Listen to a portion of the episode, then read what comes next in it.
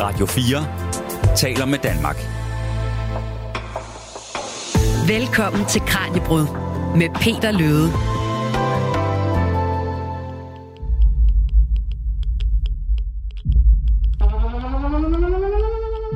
Sirenerne hyler, og bomberne falder over Danmark. Den kolde krig er blevet varm, og 3. verdenskrig er brudt ud. Kranjebrud handler i dag om krigen, der aldrig kom.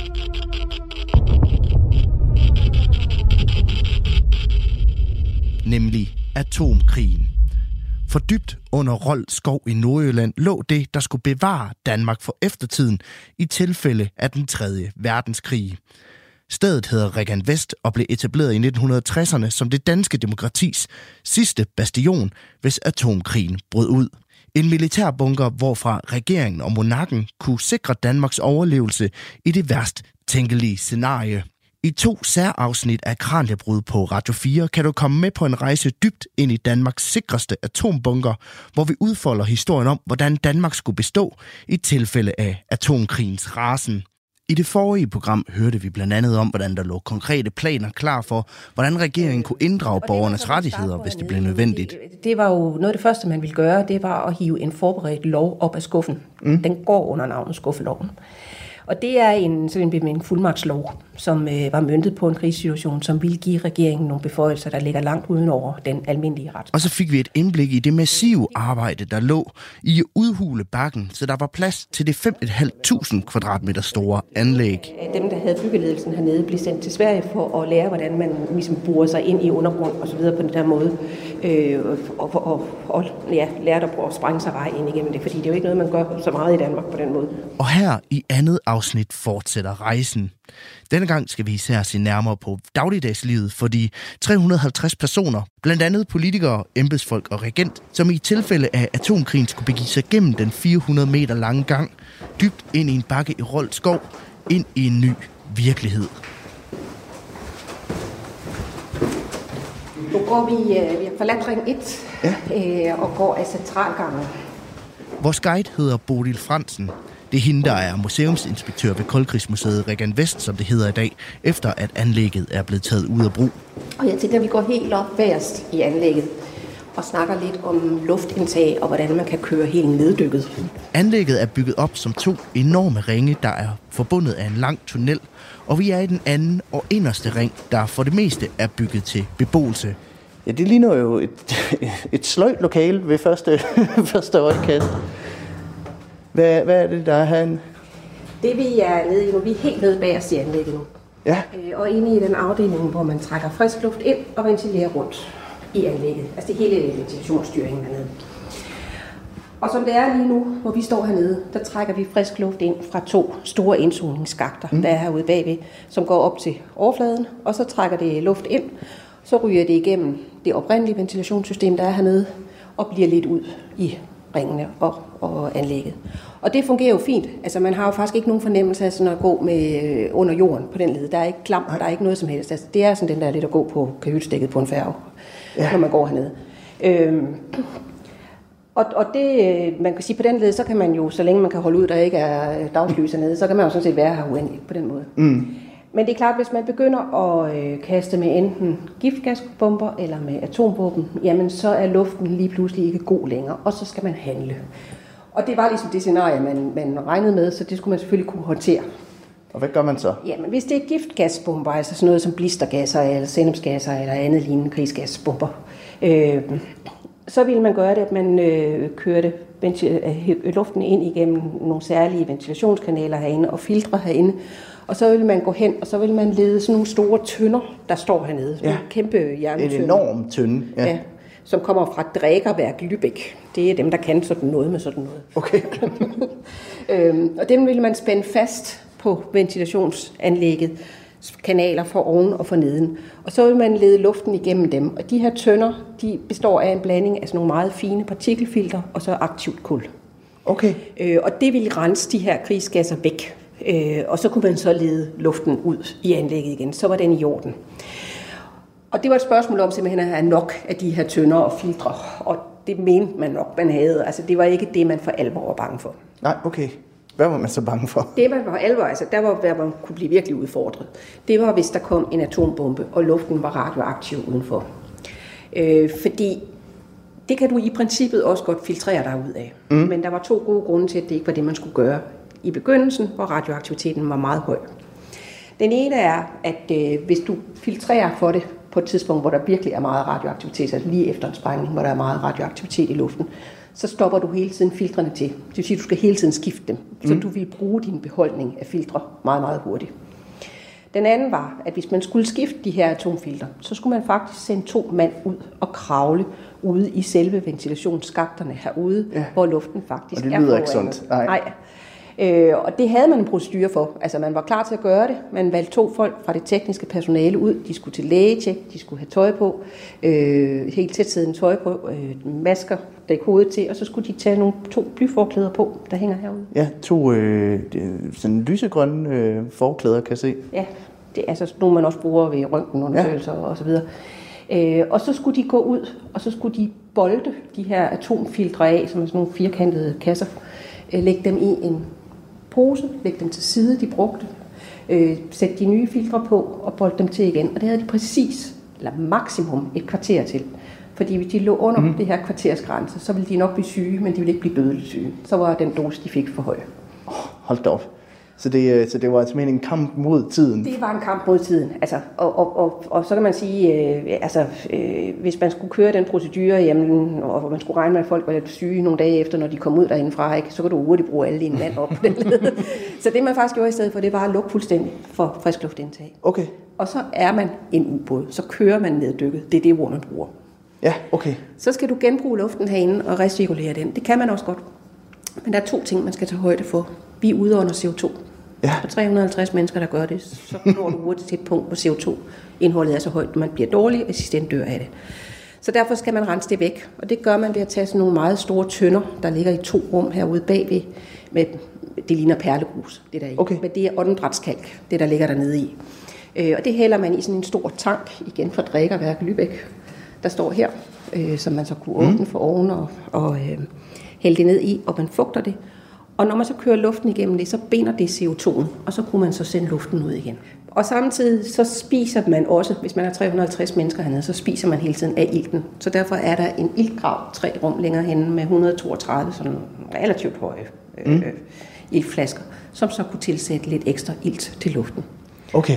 Og så var kunsten, og det er her, de her 10 dage kommer i spil. Kunsten var at finde øh, det niveau, hvor man havde øh, tilpas lavt CO2-indhold og tilpas højt iltindhold, til man kunne arbejde hernede, men uden at bruge det hele op for hurtigt. Og det er nok også det sted, at anlægget fejler en lille smule, for ved 350 mennesker hernede, der var der ressourcer til 6 dage og et antal timer. Så var man faktisk nødt til at åbne. Og når man kører efter de 10 dage, så er det fordi efter de 10 dage, så er den værste radioaktivitet overstået.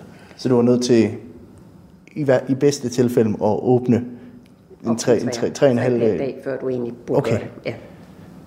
Jeg kan også se, Så der vil står, sige, øh, ja, jeg, jeg kan bare se, der, der står en, en, en, noget, der ligner lidt en rumraket ved, ved siden af, øh, hvor der, det ligner, der er en overfrakke indeni. Altså, hvad, hvad er det, vi står og kigger på der? Jamen, det er faktisk raketten. Okay. det går i daglig tale under navnet raketten. Det er en evakueringshejs.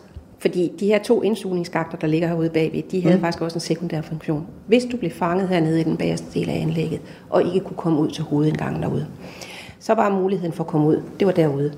Alle, der kunne, skulle gå ud til den ene, og så skulle de gå og kravle de her 50-60 meter op til overfladen mm. ved hjælp af sådan nogle brandhagetrin. Ja. Øh, så skulle de slå en låge op, løbe ud øh, i terræn, gå over til den anden indsugningsskagt, og så skulle de etablere sådan en hejseværk, der står parat deroppe. Og når de havde gjort det, så sendte en ned. I mellemtiden, så skulle den der bæres ud til den anden indsugningsskagt, og alle dem, der var skadet, de ville så blive placeret inde i den her ret smalle raket, mm. må man sige. Ja, ja der er jo ikke meget på det. Nej, Altså, den har, det minder lidt om en kiste, som man Ja, det, det bruger til begravelse. set bare, der står noget ret, ikke? Ja.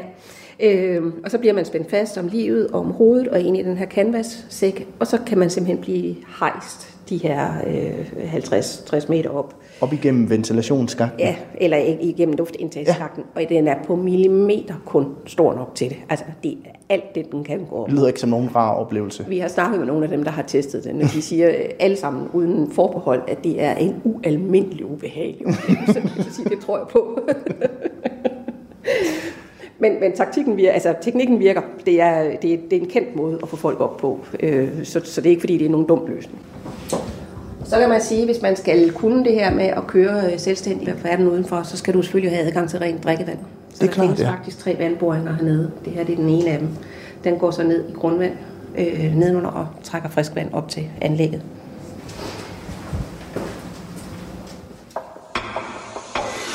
Du lytter til Radio 4.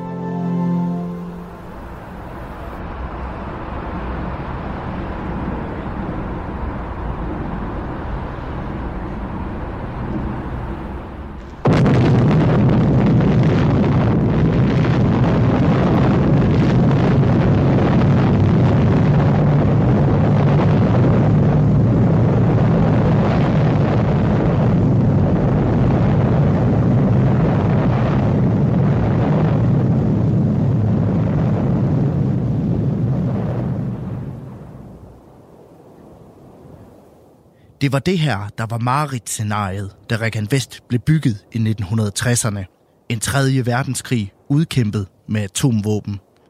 Og selvom den kolde krig aldrig blev varm, så var frygten og det enorme beredskab, som Regan Vest repræsenterer, langt fra overdrevet. For der lå konkrete angrebsplaner klar i skuffen hos landene i Varsjavepakten. Planer for, hvordan Danmark skulle invaderes i tilfælde af, at der udbrød åben krig mellem øst og vest og her spillede blandt andet de polske styrker en ganske særlig rolle. De konkrete planer har historiker og koldkrigsforsker ved Rigsarkivet Sten Andersen set nærmere på, og i en tidligere Kranjebrudsudsendelse udfoldede han, hvordan en potentiel sovjetisk invasion af Danmark skulle foregå. Særligt fra slutningen af 50'erne og så et godt stykke op i 60'erne, så, så sker der, der sker simpelthen en, en, en, øh, en udbygning af, af Sovjetunionens atomare øh, kapabiliteter. Man tager simpelthen øh, missilteknologien til sig, den, den sovjetiske leder i den periode, Khrushchev, mente nærmest også, at man kunne øh, erstatte øh, store dele af, af de traditionelle konventionelle styrker, øh, blandt andet skærnet på, på antallet af kampvogne, hvis man så derimod fik, fik flere missiler. Og, og de atomare kapabiliteter gør jo også, at man, man, man begynder en, en, en, der bliver introduceret en anden form for, for tænkning øh, i den sovjetiske generalstab. Øh, man, man ser mulighederne for, at, at man vil kunne øh, øh, udkæmpe en krig øh, ved NATO, mod NATO, og faktisk vinde den ved brug af atomvåben. Hvis man er i stand til øh, at slå først, øh, slå NATO's øh, kommandostruktur ud, deres, øh, deres øh, strategiske reserver, deres lufthavne, altså flybaser, øh, flådestationer.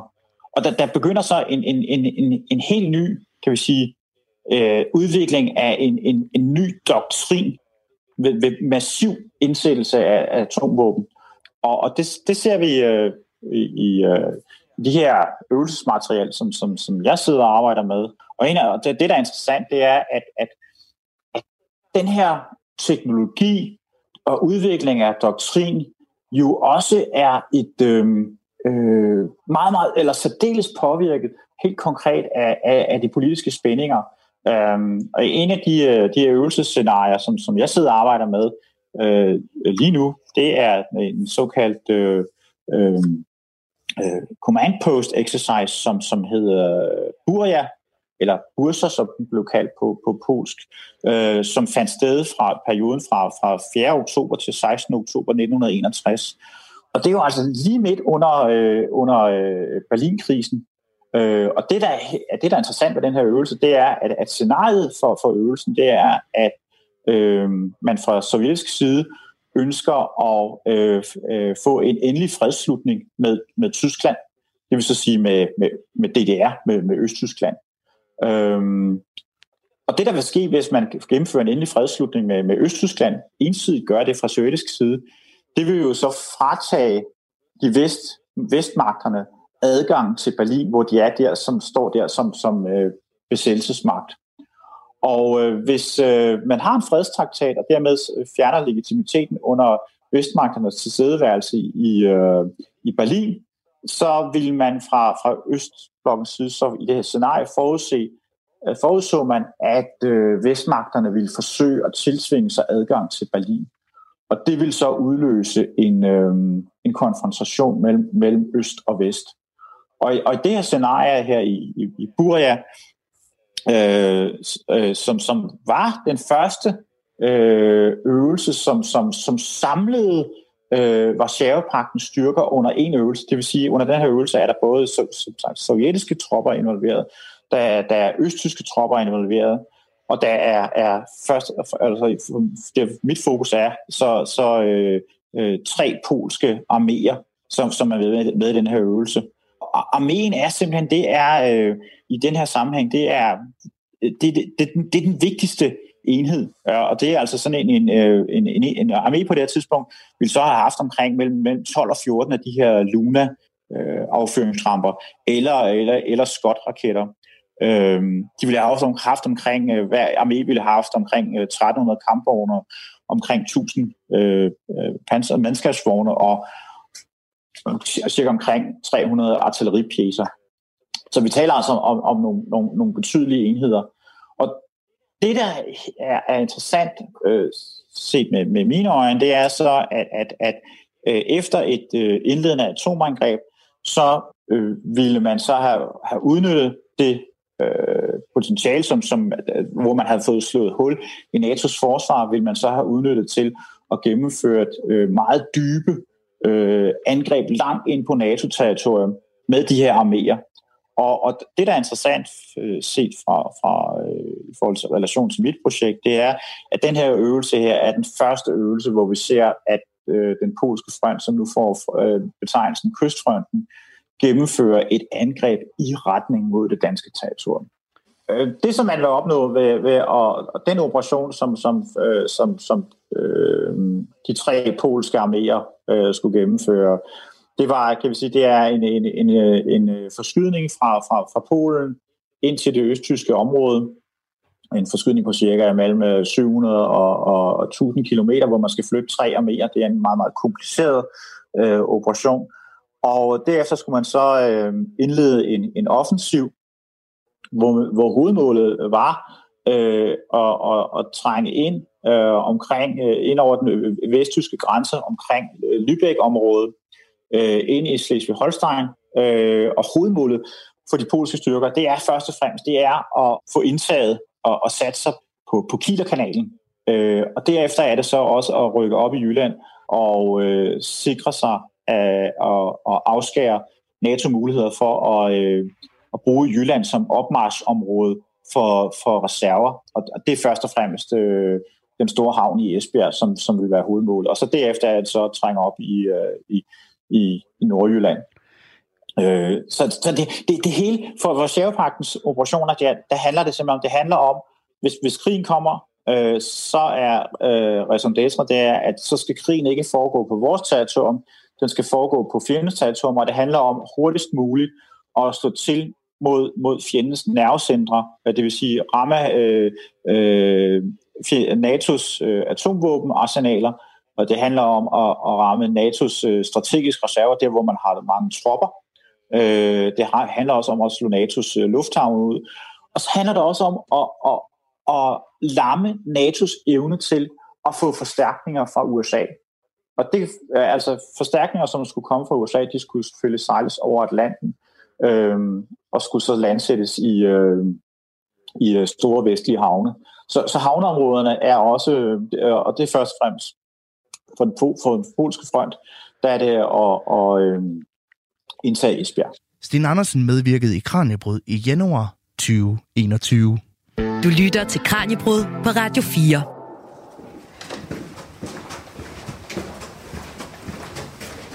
Tilbage i bunkeren ved Regan Vest bevæger Bodil Fransen og jeg os ind i et rum, der ikke gør det store væsen ud af sig, på trods af, at det var indrettet til en ganske særlig beboer.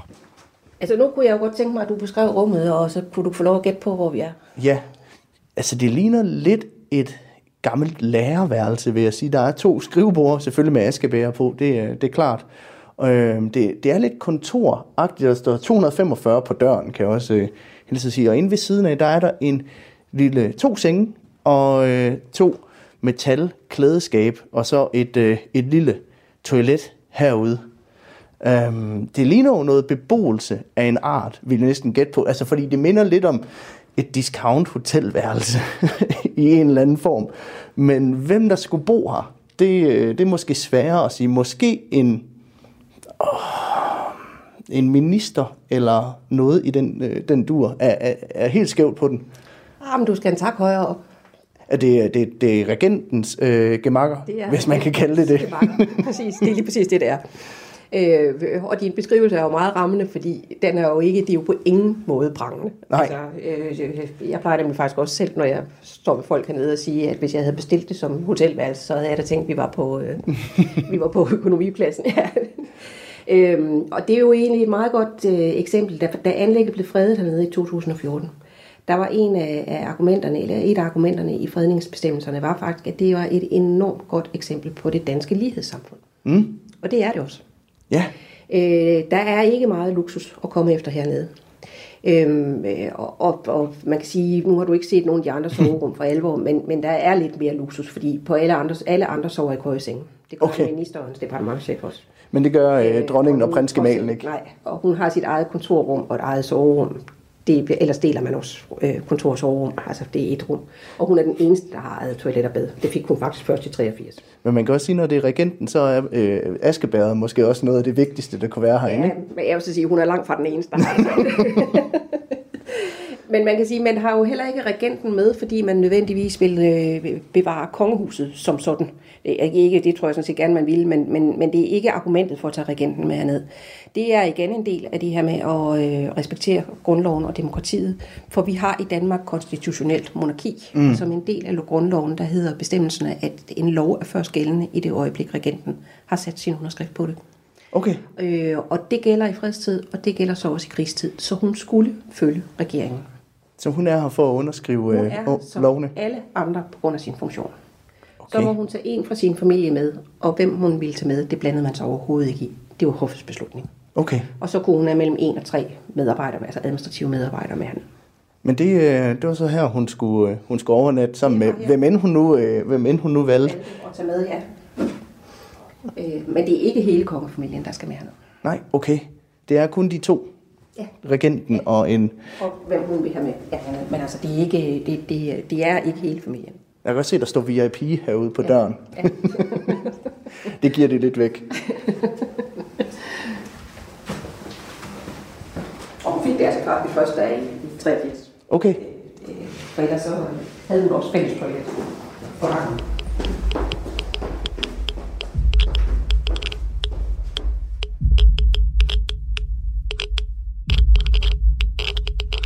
Regan Vest består af to ringe, hvoraf den ene huser langt det meste af beboelsen for de personer, der i tilfælde af krig skulle søge mod Rold Skov.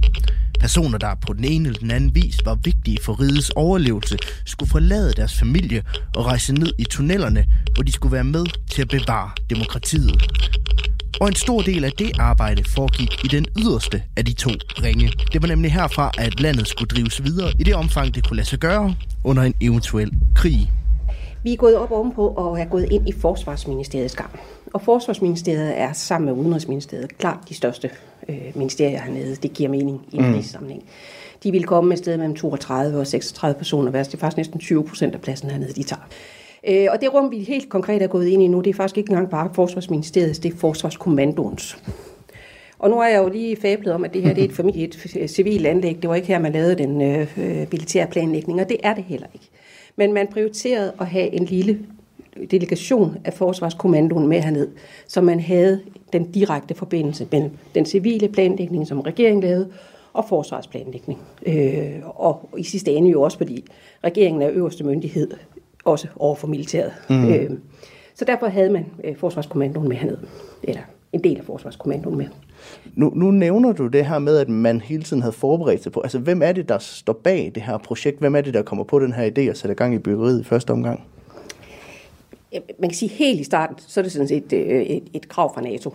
Øh, NATO kommer med nogle helt klare anbefalinger om midt i 50'erne, at øh, man er nødt til at prioritere den her planlægning, og at en væsentlig del af det, det handler om at få bygget nogle særligt sikrede lokaliteter for, øh, for regeringen, hvor de kan arbejde, for simpelthen at sikre, at man har kontrollen over landet.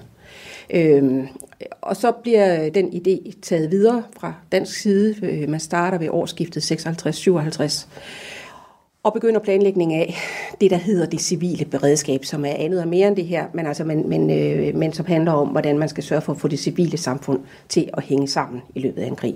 Øh, det er ikke alene et spørgsmål om at redde befolkningens liv, det var også et spørgsmål om at sørge for, at folk blev ved med at gå på arbejde, at øh, transport fungerede, at man vidste, hvor der var fødevarer, øh, hvordan skulle man reparere ting, og, øh, og ja, og så den her med at opretholde myndighedskontrollen i landet, altså regeringskontrollen og demokratiet i landet. Øhm, og så kan man sige, i 60, 61, altså årsskiftet der, der begynder man for alvor planlægningen af det her. De indledende øvelser ender med en lov om, om civil beredskab i 1959, og da med den i hånden, så kan man så gå i gang for alvor. Øhm, så i 60-61 begynder man planlægningen af det her, og man vil finde ud af, hvor man skal placere anlægget henne, øh, og, og så går man i gang med at bygge fra 1963. Og hvis man kigger lige præcis i det rum, vi står ved nu, så mm. kan, kan man se over på sådan et, øh, et, et Europakort herovre, eller ja, et udsnit af Europakortet. Ja. Og det er måske et meget godt eksempel på, hvad det var, man frygtede. Ikke? Fordi det er ikke særlig vigtigt på det her kort, om hele England er med. Det er sådan skåret meget mærkeligt af midt i det hele. Ja, og kortet består af mange små kort, der ja, ligesom på en eller anden måde er, sammen. er klistret sammen. Ja, ja. Øh, og det er også skide ligegyldigt, om Sydeuropa er med. Men der skal dyne med meget af Sovjet med. Og især skal hele Østersøen med. Og det handlede selvfølgelig om, at den trussel, man regnede med, med den vej, man kiggede, det var østpå, og det var øh, Sovjet. Og det var især, hvor man klar over, at øh, øh, Østersøområdet var sindssygt centralt, også i en dansk sammenhæng. Altså Danmark ligger jo lige på grænsen af øst og vest, øh, hvis man kigger i en, en koldkrigsperiode. Øh, så man var helt på det rene med, at man ville blive del af kamphandlingerne stort set fra dag 1.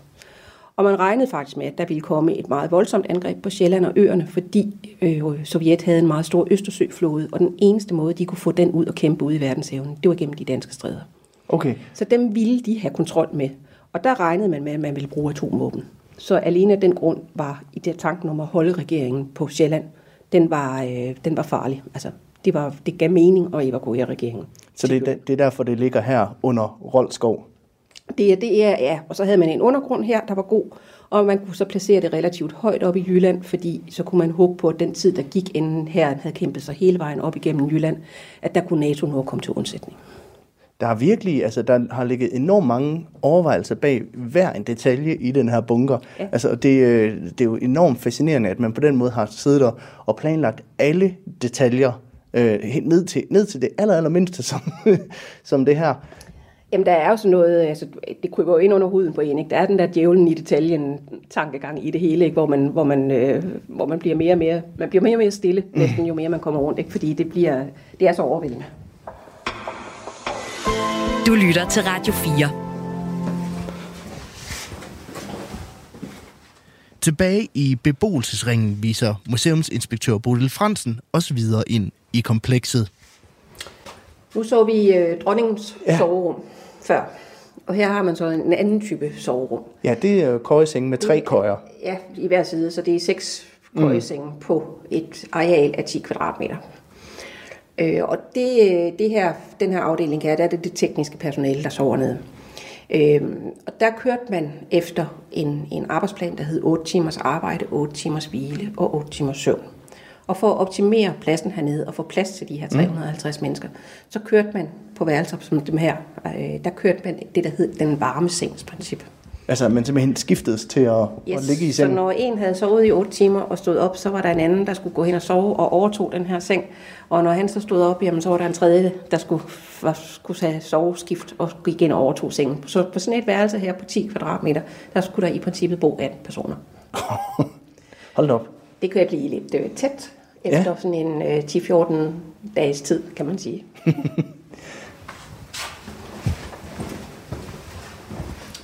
Andre rum er så til gengæld lavet med enten to eller tre senge og så skrivebord. Ja.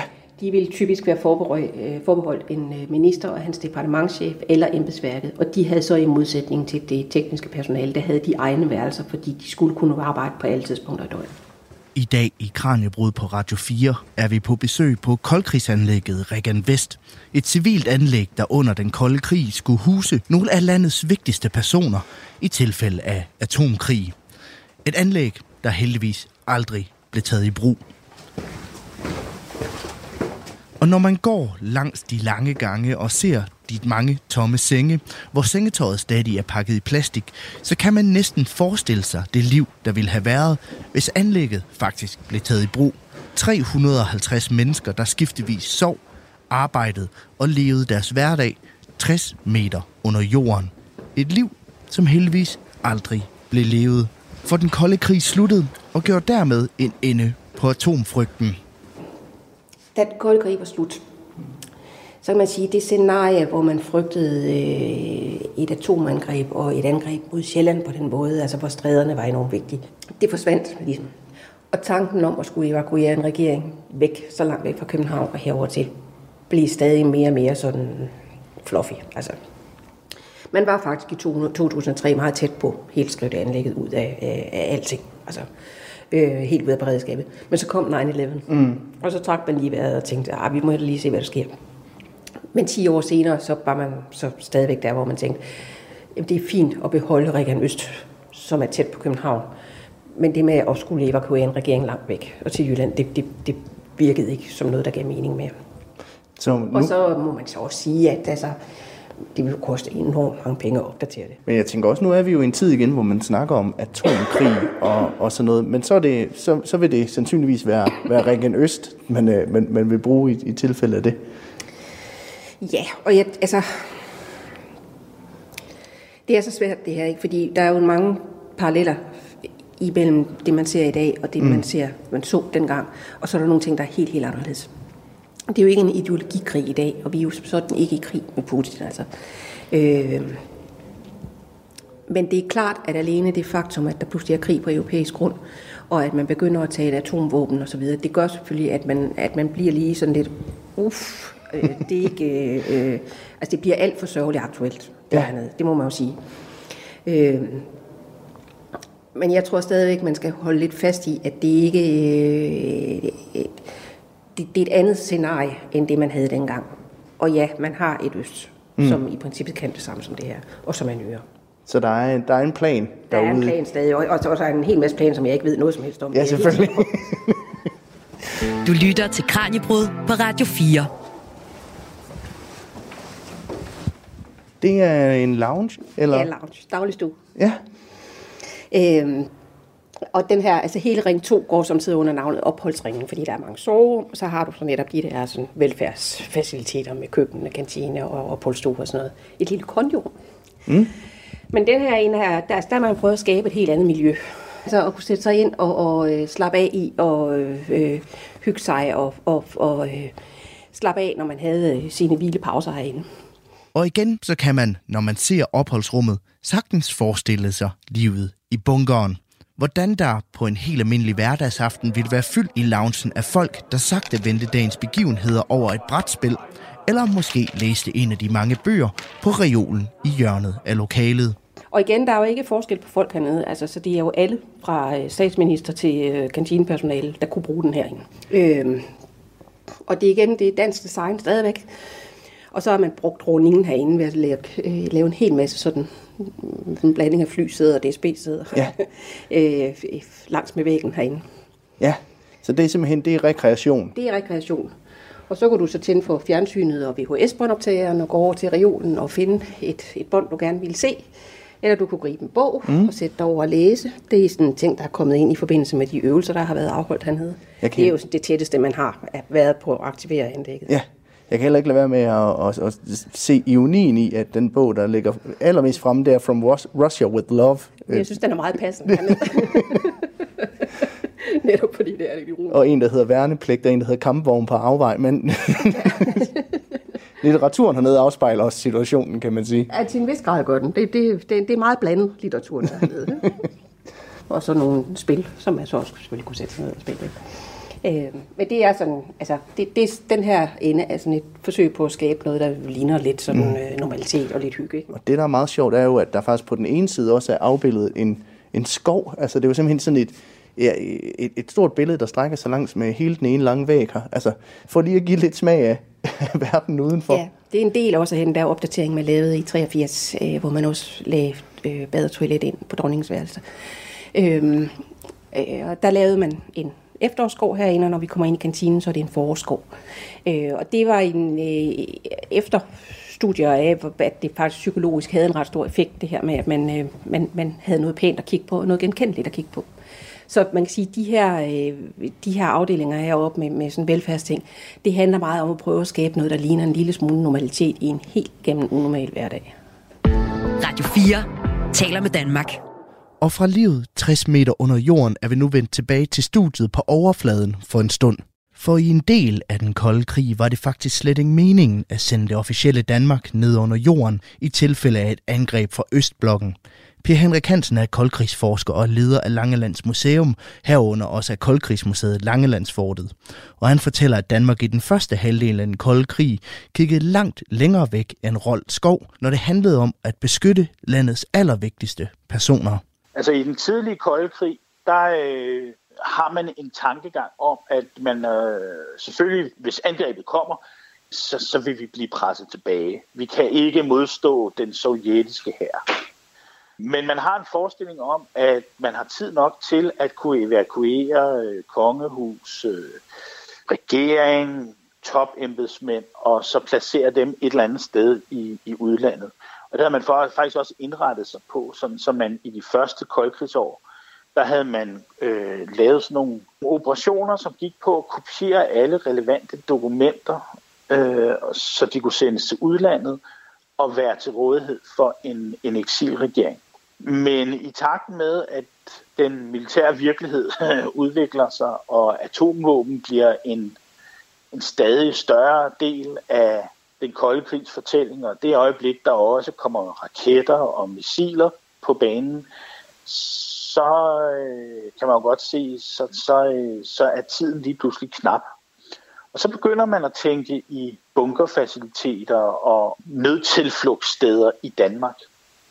Og øh, man har nogle, nogle enkelte bunkers rundt omkring, inden man går i gang med de store byggerier, altså det store byggeri op i, i med, med, med Regan, øh, Regan Vest.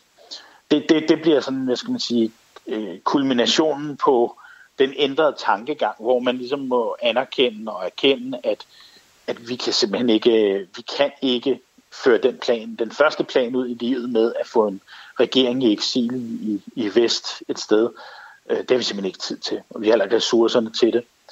Så, så man begynder at tænke i at lave tilflugtssteder i Danmark, og det bliver så Regan Øst og Regan Vest. Men mente de så, at, at, altså, at de kunne styre et land ned fra deres øh, store underjordiske huller der? Det er jo et godt spørgsmål, om man overhovedet har forestillet sig at kunne styre Danmark. Hvis, jeg, hvis du spørger mig personligt, så tror jeg, at det langt hen ad vejen har handlet om at bevare troen på, at det nok skulle gå. Vi har øh, genstanden, hvor man kan sige, hvad i verden er det for noget. Ikke? Altså, vi har blandt andet på Koldkrigsmuseum Langlandsfort en transporttaske, en østeuropæisk transporttaske, som du kunne komme dit spædbarn ind i, og du kunne komme din lille hund ind i, og så, så skulle det beskytte barnet, når du gik igennem øh, strålingskontaminerede områder øh, efter en udbrudt atomkrig. Men den er lavet af gummi, og øh, der er et lille filter i siden, og det ene og det andet. Den har ikke haft nogen som helst form for beskyttende effekt, men den har givet folk en tro på, at der var et liv efter den frygtede krig. Og jeg tror, det er lidt det samme med de her store bunkerbyggerier at øh, det har givet en, en forhåbning hos folk om, at øh, øh der er noget på den anden side. Men, men, men der, paradokset er jo, at vi ved jo ikke, hvad, hvad man på den ene eller på den anden side havde forestillet sig, altså i øst og i vest havde forestillet sig, når, når krigshandlingerne var begyndt at, og, hvad skal man sige, aftage. Der er ikke nogen, mig bekendt ikke nogen planer for noget. Der er ikke nogen forholdsregler. Der er ikke nogen øh, retningslinjer for, hvordan man så skal forholde sig.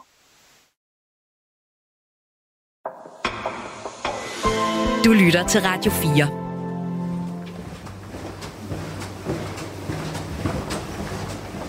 Tilbage i Regan Vest bevæger vi os fra dagligstuen og videre ind i et af de rum, der vil have været centrum for en stor del af bunkerens hverdagsliv. Så er der en kantine. Køkken. ja. Og så er det også det sidste stop på dagens rejse tilbage til den kolde krig. Øh, Og det er jo ikke, fordi det er noget stort køkken. Altså, I betragtning af, at det skulle øh, huse 300, eller bespise 350 mennesker. Det er sådan et aflangt, meget smalt køkken.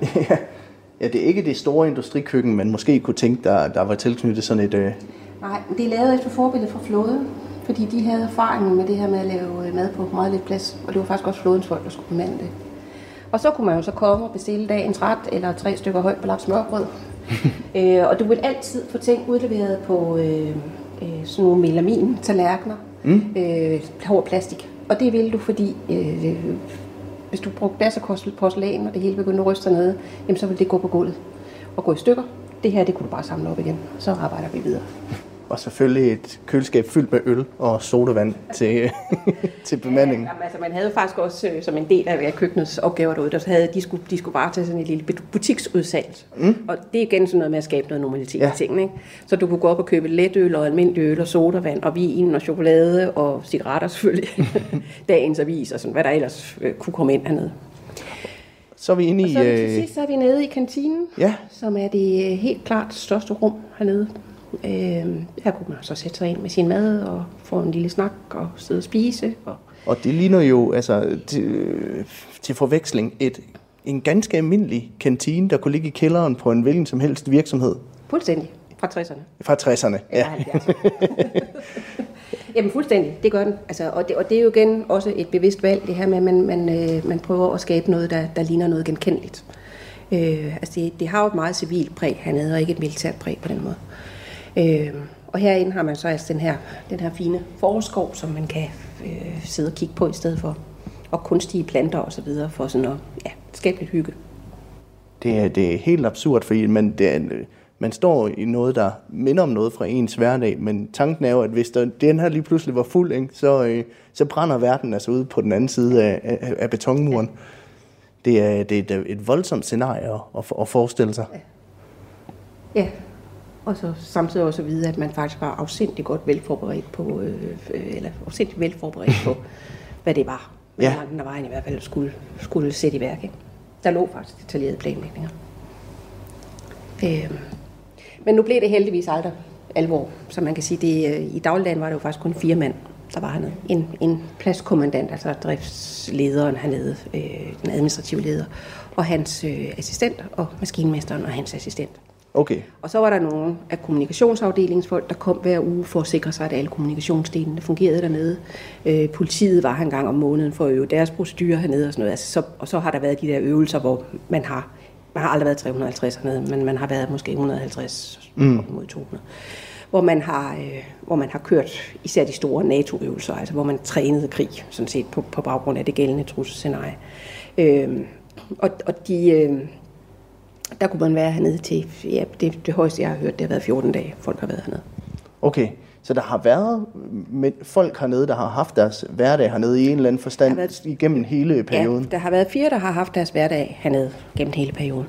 Og så nogen, der er kommet regelmæssigt, og så nogen, der kun er kommet herned i forbindelse med øvelserne.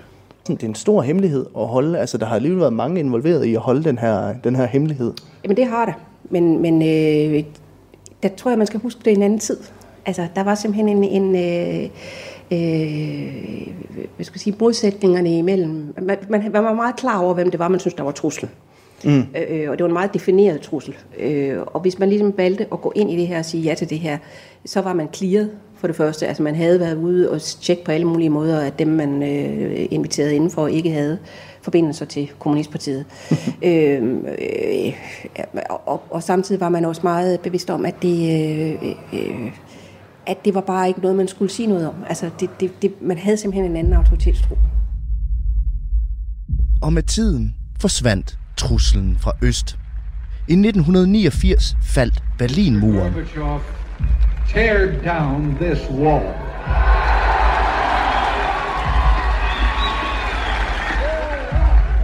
Og i 1990 kunne øst- og vesttyskere igen omfavne hinanden, da DDR blev opløst. Længere østpå, i det nuværende Rusland, ulmede krisen. Selvom Sovjetunionen stadig var kommunismens sidste bastion i Europa, så var den røde økonomi langsomt ved at falde fra hinanden.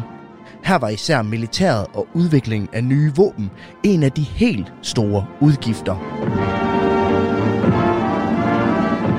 Og Gorbachev indførte flere reformer, der uden held forsøgte at rette op på den skræntende økonomi.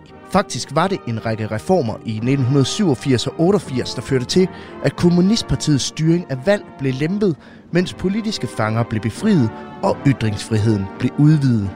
Og i 1990 stemte seks lande så for at forlade Sovjetunionen. Og ved juletid året efter var Sovjetunionen en del af historien. Og med unionens fald forsvandt atomtruslen mod Danmark. Og med det blev Regan Vest hurtigt til et levn fra fortiden. Den kolde krig var overstået. Startskuddet var aldrig kommet. Og anlægget blev taget ud af brug i 2003 og udgik endeligt af beredskabet i 2012.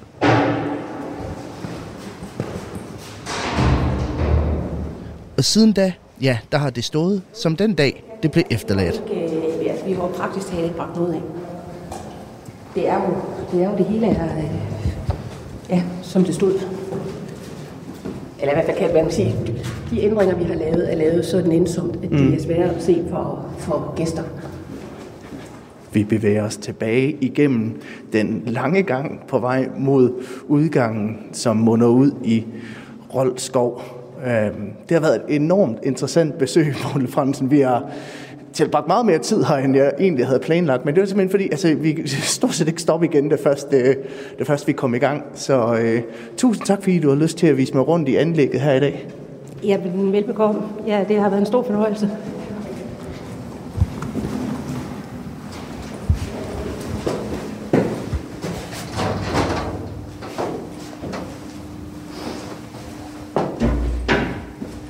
Det er ikke let at danne sig et billede af, hvordan atmosfæren reelt set er i Region Vest, uden at have set det med egne øjne. Der er en aura af frygt og gru, men også af et håb om bedre tider. Og alene det at træde ind igennem de solide døre, er som at træde ind i et andet årti.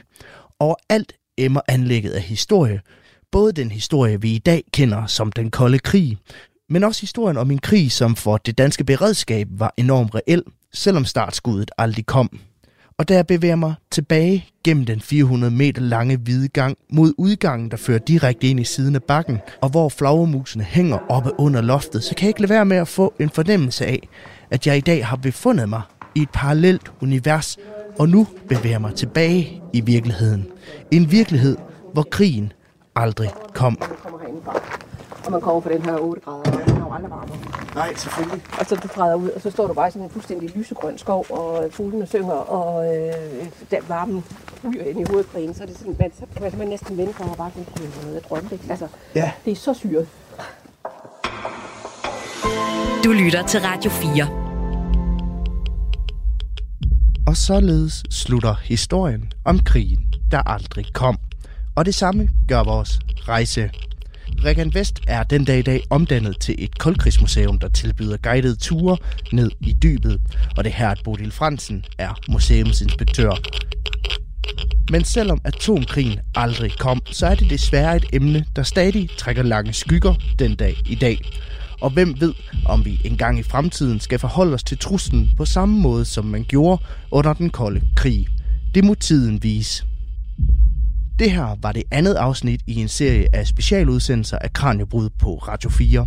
Hvis du vil lytte til det forudgående afsnit, kan du finde det som podcast i Radio 4's app eller på stationens hjemmeside. Her kan du også finde tonsvis af andre Kranjebrudsudsendelser og reportager. Jeg hedder Peter Løde, og programmet er produceret af Videnslyd for Radio 4.